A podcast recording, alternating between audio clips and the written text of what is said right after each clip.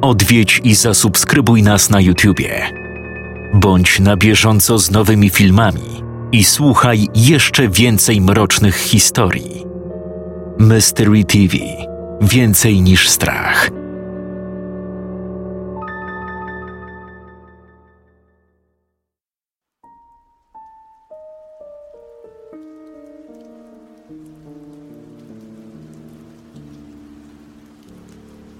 Marta Gregorczyk odetchnęła głęboko, rozkoszując się zapachem letniego deszczu. Co jak co, ale ona należała do tych osób, które cholernie lubią deszcz. Miała wielu znajomych, którzy przy najmniejszej mrzawce barykadowali się w domach, czekając aż wyjdzie słońce. Ona nie. Gdy zaczynało padać, wychodziła na taras. Przesiadywała w ogrodzie lub, tak jak teraz, brała swojego kremowego labradora na spacer. Mimo, że było już późno, bo zegarek dawno wybił 21.30 postanowiła skorzystać z okazji, jaką niewątpliwie był spacer w deszczu. Przeszła do głównej alejki, a następnie skierowała się w stronę pobliskich baraków. Były to stare, mocno zniszczone szopy, w których kiedyś rolnicy przechowywali żyto, owies, pszenicę i inne zboża. Dokładnie opisane, ważone, posegregowane – jednak gdy miejscowi rolnicy zaczęli stawiać własne szopy, baraki momentalnie opustoszały. Nikt się nimi nie zajmował. A teraz stanowiły jedynie miejsce schadzek tutejszej młodzieży. Marta rzadko wypuszczała się w ten rejon, ponieważ był mocno oddalony od tej, nazwijmy to, cywilizowanej części wsi. Po prostu było to odludzie, gdzie tak naprawdę można było się wyciszyć zrelaksować i pobyć sam na sam z naturą. Takich rejonów było w Dąbrówku bardzo dużo. Jednak Marta zazwyczaj wybierała te w pobliżu swojego domu.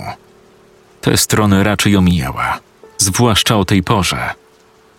Dziś trasę wybrał pies. To kulka pociągnęła ją w tę stronę i nie miała zamiaru słuchać jakichkolwiek sprzeciwów. Gdy Marta zeszła z alejki, wchodząc na niewielką polanę na skraju lasu, przed którym niczym rzeźby stały opuszczone baraki, odpięła smycz od obroży psa. Ten pognął przed siebie, kompletnie nie zwracając uwagi na swoją opiekunkę. Tylko absolutnie nie wbiegaj mi do lasu. Jeśli myślisz, że będę cię tam szukać, to się grubo mylisz. Ja do lasu nie wchodzę, pamiętaj. Także rób sobie co chcesz. Jak wejdziesz do lasu, wracasz sama. Drogę do domu znasz. Marta oparła się o drewniane ogrodzenie i wyjęła telefon. Szybko przeskrolowała Facebooka, sprawdzając aktualne posty znajomych. Zostawiła kilka łapek pod zdjęciami koleżanek, kilka serduszek pod postem swojej siostry, dwie heheszki pod jakimiś memami i jedno wrr pod artykułem o zwyrodnialcu, który głodził psa. Marta uwielbiała zwierzaki, była bardzo przewrażliwiona na ich punkcie. Jakakolwiek informacja o tym, że gdzieś jakiemuś zwierzakowi dzieje się krzywda, przyprawiała ją o żywą frustrację. Uważała, że człowiek zawsze sobie jakoś poradzi. Poprosi o pomoc, powie, czego mu potrzeba. Sam będzie w stanie zatroszczyć się o swój los. A zwierzak? Jest zdany na łaskę ludzi Dlatego jak czyta o takich idiotach, którzy krzywdzą zwierzęta, to. Ach, szkoda nerwów na noc. Wylogowała się z aplikacji i schowała telefon do kieszeni. Kulka, wracaj. Słyszysz? Kulka, idziemy dość tego wąchania cudzych główien. Kulka! Lecz labradora nigdzie nie było widać. Zazwyczaj reagował na każde jej zawołanie. Wystarczyło, że głośno krzyknęła imię psa, a ta już wyskakiwała z ukrycia. Nawet jeśli nie miała ochoty jeszcze wracać, pokazywała się, a następnie szybciutko odwracała i uciekała. Tym razem było inaczej. Kulka, gdzie jesteś?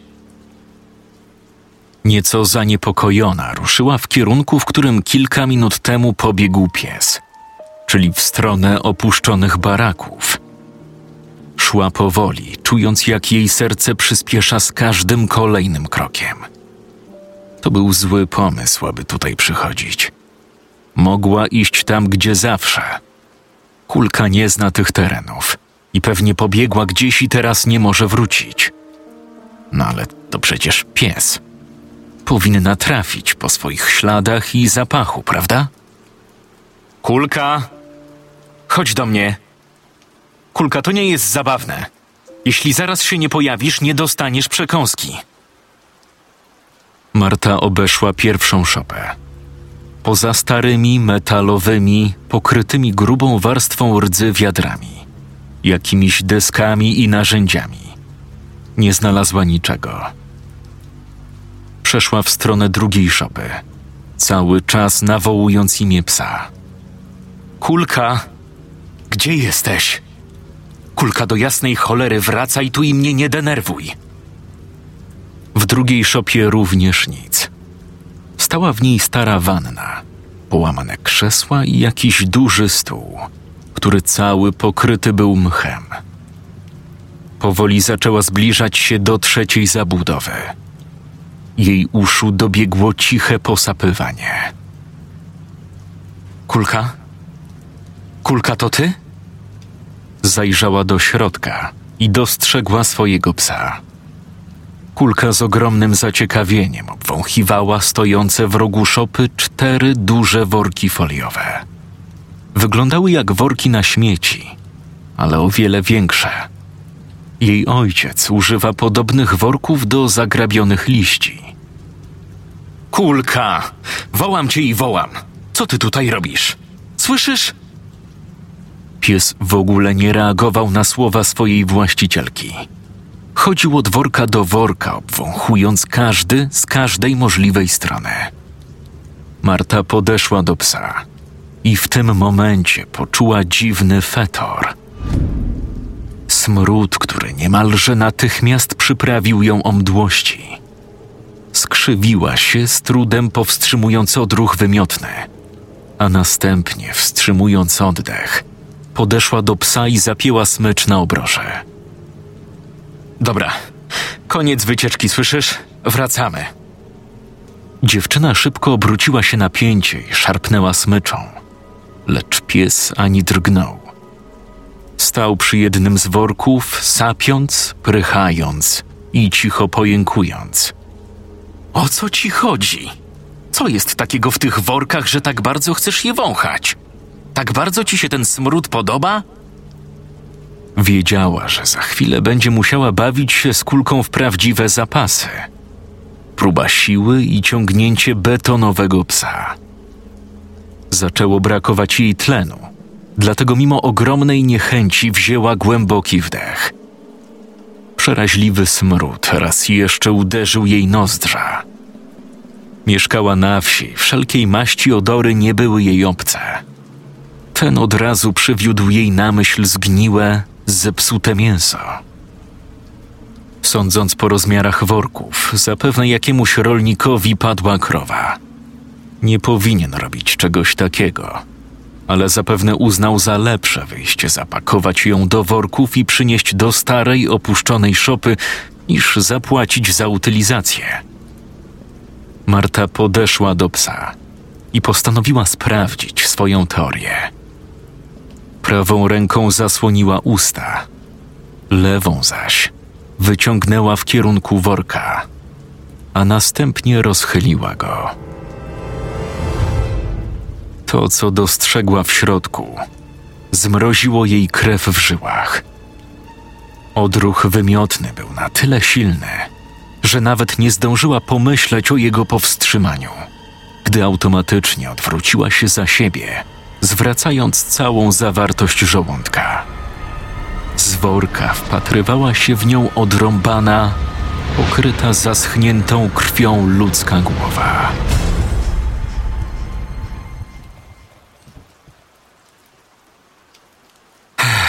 No dobrze. Zaczął policjant, który przyjechał na miejsce. Był to mężczyzna po czterdziestce, który wyglądał na mocno zmęczonego życiem. Marta widziała go niejednokrotnie, to tu, to tam. Zdziwił ją jednak fakt, że mężczyzna przyjechał sam. Spodziewała się raczej kilku funkcjonariuszy, grupy techników w fartuchach, taśm, którymi zostanie ogrodzony teren i innych takich szczegółów.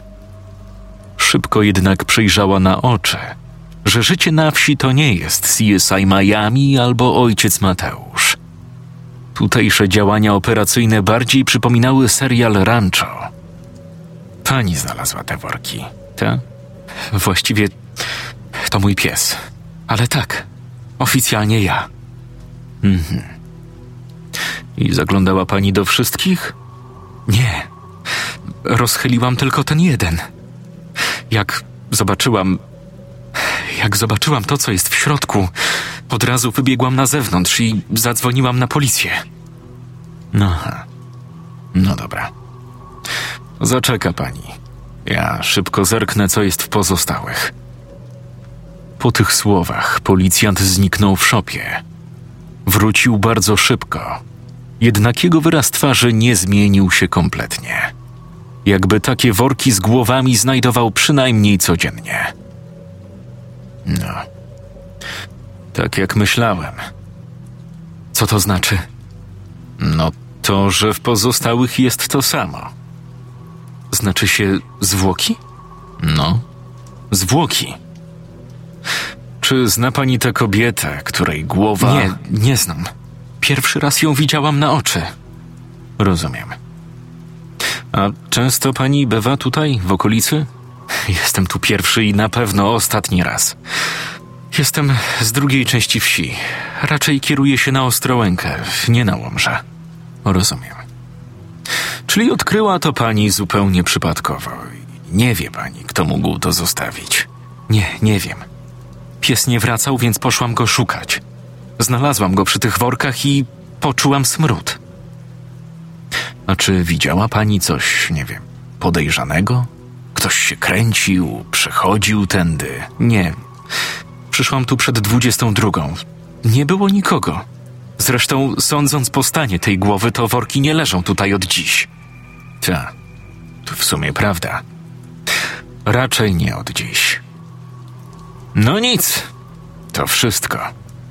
I co? Już? Koniec? A co pan zrobi z tymi workami? Nie zbada pan tego? Zostawi pan je tak tutaj? Nie no, nie zostawię.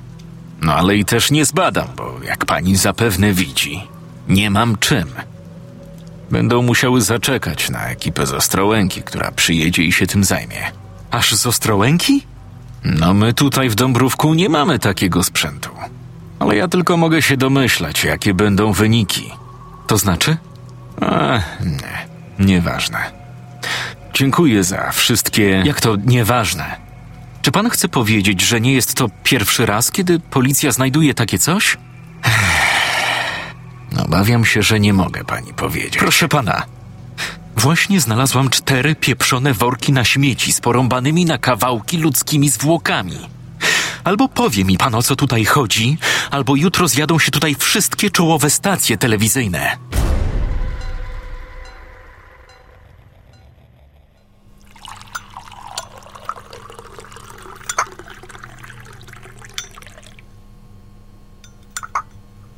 Funkcjonariusz zalał wrzątkiem dwie torebki herbaty w ciemnych, pokrytych kamieniem szklankach. Komisariat w Dąbrówku był naprawdę malutki. To tylko dało kolejny punkt porównawczy z serialem Rancho. Mały budyneczek i jeden policjant. Pod kogo on w ogóle podlega? I czy jest tutaj ktoś jeszcze poza nim? Tak jak pani zdążyła wywnioskować, cała historia nie jest dla mnie nowością. Chce pan powiedzieć, że widział już takie worki? U nas? W Dąbrówku? Ta. Historia jest naprawdę dziwna i ma swoje lata. Najciekawsze w tym wszystkim jest to, że doskonale wiem, kim jest sprawca. Jak to? To dlaczego go pan nie złapie? Może nie wyraziłem się dostatecznie jasno. Wiem, jak wygląda sprawca. Wiem, gdzie mniej więcej znajdowała się jego kryjówka. I mówię tu znajdowała, ponieważ śmiem przypuszczać. Co więcej, ja wiem na pewno, że ją zmienił. Mam jego rysopis, a nawet portret pamięciowy. Ale nie mam dowodu. Nadal nie rozumiem. Pali pani? Nie. A nie będzie pani przeszkadzało, jak ja sobie zapalę? Nie, proszę.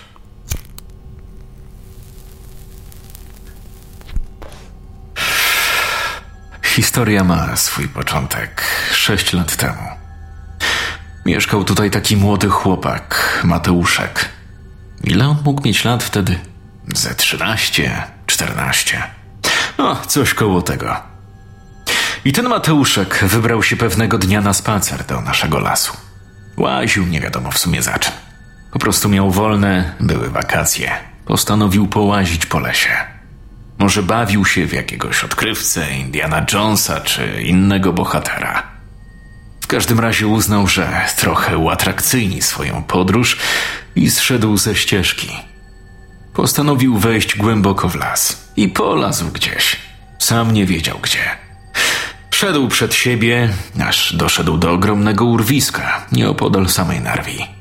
Było to tak strome zbocze, że chłopak nie zdążył się zorientować, kiedy wyrżnął orła i stoczył się na dupie z tej skarpy. Wylądował, ale od razu zorientował się, że coś jest nie tak. Dlaczego? No bo nie wylądował na ziemi.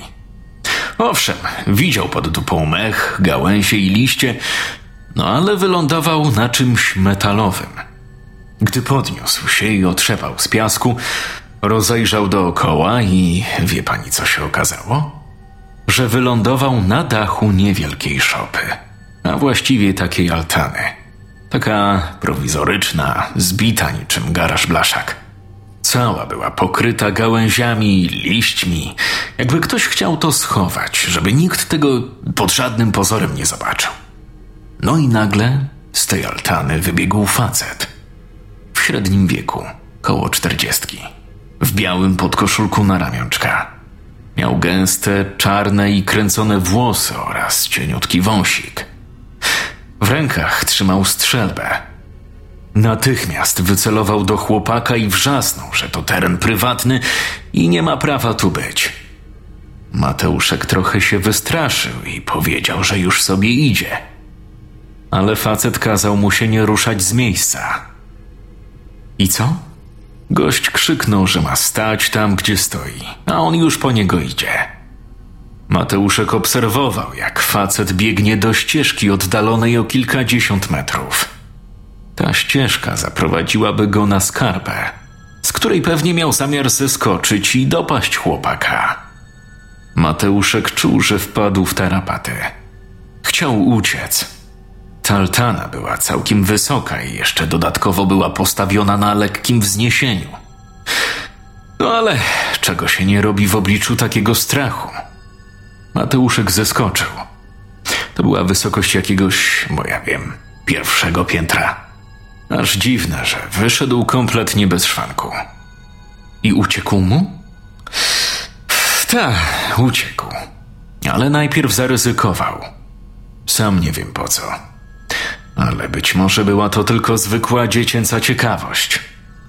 W każdym razie nie wiadomo po co. Chłopak skorzystał z odrobiny czasu i wszedł do altany. Może chciał się tam nawet schować. Okazało się, że altana była tylko zabudowaniem do podziemnego wejścia. To był jak jakiś cholerny bunkier. Chłopak zszedł po betonowych schodach i znalazł się w niewielkim pomieszczeniu. Zobaczył tam mnóstwo krwi. Było jej pełno. Na ścianach, na suficie, na podłodze. Wszędzie. W rogu stała lodówka, w której chłopak znalazł porąbane ludzkie głowy. Przy jednej ze ścian wisiały cztery trupy. Wisiały nad ziemią z rozpłatanymi gardłami. Naprawdę dziwię się, że chłopak nie stracił przytomności. Wybiegł stamtąd przerażony i popędził prosto przed siebie. Nie zastanawiał się, dokąd biegnie. Jego cel był prosty: uciec jak najdalej od tego przeklętego miejsca. Nie oglądał się za siebie. Nie zastanawiał, czy ktoś go goni, czy nie. Czy facet z wąsem go zauważył, czy nie. Po prostu uciekał. Udało mu się? Ta. Jakimś cudem dobiegł do domu i o wszystkim powiedział rodzicom. Ci zadzwonili po policję, w sensie do mnie. Pojechałem do nich do domu i pogadałem z chłopakiem. Był w cholernie ciężkim szoku. Dawno nie widziałem tak przerażonego dziecka. Nie był w stanie skleić sensownego zdania, a zmoczył się przy mnie ze dwa razy. Powiedział tylko, jak ten facet wygląda i gdzie mniej więcej była ta altana. Od razu ruszyłem do lasu. Łaziłem w tej z powrotem, bo nie wiem, czy pani wie, jak ten las wygląda. To nie ma tak, że cała ściana lasu jest przy skarpie. Nie. Wcale nie tak łatwo na nią trafić. No ale w końcu znalazłem to miejsce. Zszedłem alejką do tego czegoś, co wyglądało jak altana. Znalazł pan tego faceta? Niestety nie. Mimo, że działałem szybko, to jednak zanim chłopak wrócił do domu, zanim opowiedział wszystko rodzicom, zanim ci wezwali policję, chodzi mi o to, że od powrotu chłopaka do domu, do momentu, aż pojawiłem się przed altaną, minęły trzy godziny? To kupa czasu. I niech zgadnę. Sprawca uciekł? Znalazłem altanę. Wszedłem do środka i zszedłem po tych schodach. Widziałem te koszmarne ślady krwi. Było ich pełno, jakby ktoś ciągał ciała po ziemi, zostawiając na podłodze bordowe smugi. Wszedłem do pomieszczenia, o którym mówił chłopak. Nie trudno było je znaleźć, bo tak naprawdę było to jedyne pomieszczenie. Znalazłem jedno ciało wiszące tuż przy oknie. Ten widok był okropny. Za oknem niemalże księżyc. Padał deszcz. I to ciało w tym świetle. Związane ręce, związane nogi, rozpłatane gardło. Potem spojrzałem w dół, a tam kolejne ciało, a właściwie jego fragmenty. Odrąbane ręce, odrąbane nogi. Wszystko w wielkiej, zaschniętej kałuży krwi. A obok mały, czarny, pluszowy miś. To było dziecko? Tak. Dziecko mojego sąsiada, którego szukałem od kilku dni. Oparłem się o ścianę i zwymiotowałem. Żygałem kilka minut, nie mogąc się powstrzymać. To było coś okropnego. Takie rzeczy? Tu, w Dąbrówku? Otworzyłem lodówkę, o której mówił chłopak, ale była pusta. A ten wąsaty mężczyzna? Sprawa nie była nagłaśniana. Nie chciano siać paniki. Policja uznała, że doskonale poradzi sobie sama. Zaangażowane były komendy z Ostrołęki i z Łomże. Rysopis tego skurwiela miał każdy policjant. Patrole, poszukiwania, przepytywanie ludzi. A gość przepadł jak kamień w wodę. Nie ma po nim śladu? Jak to możliwe, że policja wie, jak on wygląda, a on uciekł z Dąbrówka i nikt nie może go złapać? No cóż, proszę pamiętać, że już parę lat minęło. A chłopak? Mateuszek? Ech, biedak oparł się w psychiatryku. Podobno widział go pod swoim domem. Mateuszek cały czas obawiał się o siebie. Uważał, a właściwie był święcie wręcz przekonany, że ten facet będzie chciał go dopaść, zlikwidować jedynego świadka, który widział, jak wygląda. Dlatego niemalże całymi dniami i nocami wpatrywał się w okno. Obserwował alejkę, aby w razie zagrożenia móc zaalarmować rodziców. Była późna godzina, dwudziesta druga, a może i dwudziesta trzecia. Mateuszek obserwował chodnik biegnący wzdłuż domu sąsiadów. I nagle dostrzegł, że jeden z worków na śmieci Porusza się. Tak. Worek zaczął się przesuwać. Jakby ktoś był w środku i po prostu na kucaka zaczął iść. Mateuszek podobno przecierał oczy ze zdumienia. Zaświecił wszystkie światła i otworzył okno w momencie, gdy z worka wyłonił się mężczyzna z wąsami. Chłopak zaczął wrzeszczać. Rodzice wpadli po chwili do jego pokoju i próbowali go uspokoić. Powiedział im, że przed domem sąsiadów jest ten mężczyzna, że wyszedł z worka. Ojciec podbiegł do okna, ale niczego ani nikogo nie zauważył. Ten incydent odbił ostateczne piętno na psychice Mateuszka. Trafił do Białego Stoku i tam jest do dziś. Każdy mężczyzna, którego zobaczy, jest dla niego śmieciarzem. Taki pseudonim nadałem temu zwyrodniolcowi. Ale nadal nie rozumiem jednej rzeczy. Czemu nikt o tym nie wie? Czemu nikt z wioski nie ma pojęcia o tym, co się tutaj dzieje? Mieszka tutaj psychopatyczny morderca. Policja nie jest w stanie go złapać, a ludzie nie mają pojęcia, że grozi im niebezpieczeństwo. Nie chcemy wzbudzać paniki ani niepokoju. Paniki? Giną ludzie. Jakiś psychol ćwiartuje ich i pakuje w worki, a pan nie chce siać paniki? To trwa już sześć lat. Ta. Obawiam się jednak, że śmieciarz działa na większą skalę i na większym obszarze. Bo proszę wziąć pod uwagę, że ofiar z naszej wsi jest bardzo mało, a właściwie były tylko dwie. Pozostałe ofiary nie pochodzą stąd. Co więcej, śmieciarz pojawia się rzadko, jakby tylko okazyjnie chciało sobie przypomnieć. I dziś przypomniał o sobie po raz kolejny. Nadal uważam, że sprawa powinna być nagłośniona. Powinno się to rozwiązać i coś z tym zrobić. A pan najwidoczniej nie radzi sobie ze śledztwem, albo nie chce pan sobie poradzić. A może jest to panu na rękę? Jutro zawiadomię media i policję z Ostrołęki, Łomży, Warszawy, a nawet powiadomię pieprzone FBI, bo coś musi się w tej sprawie zmienić. Wraz twarzy mężczyzny nagle się zmienił. Marta wstała jednak i nie dopijając herbaty opuściła komisariat.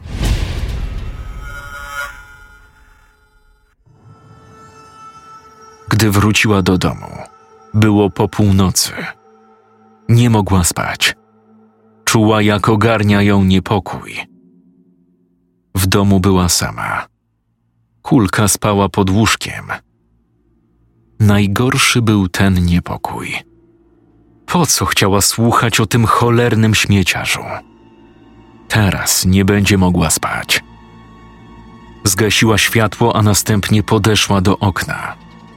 Wsparła się o parapet i zaczęła obserwować okolice. No i pięknie. Widzisz? Już zachowujesz się jak wariatka. Już ci odbija. Spokojnie. To tylko twoja wyobraźnia. Przecież nic ci nie grozi, prawda? W tym momencie jej wzrok przykuł duży worek na śmieci, stojący tuż przy jej ogrodzeniu.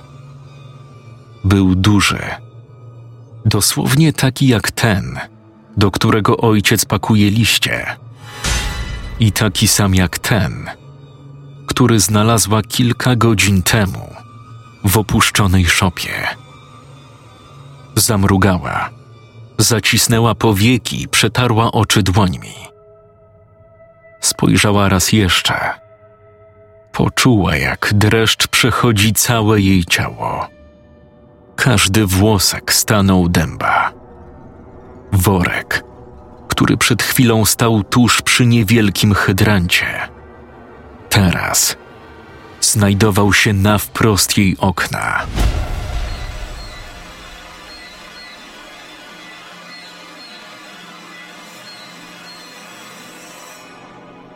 Scenariusz Stefan Król. Czytał Jakub Rutka.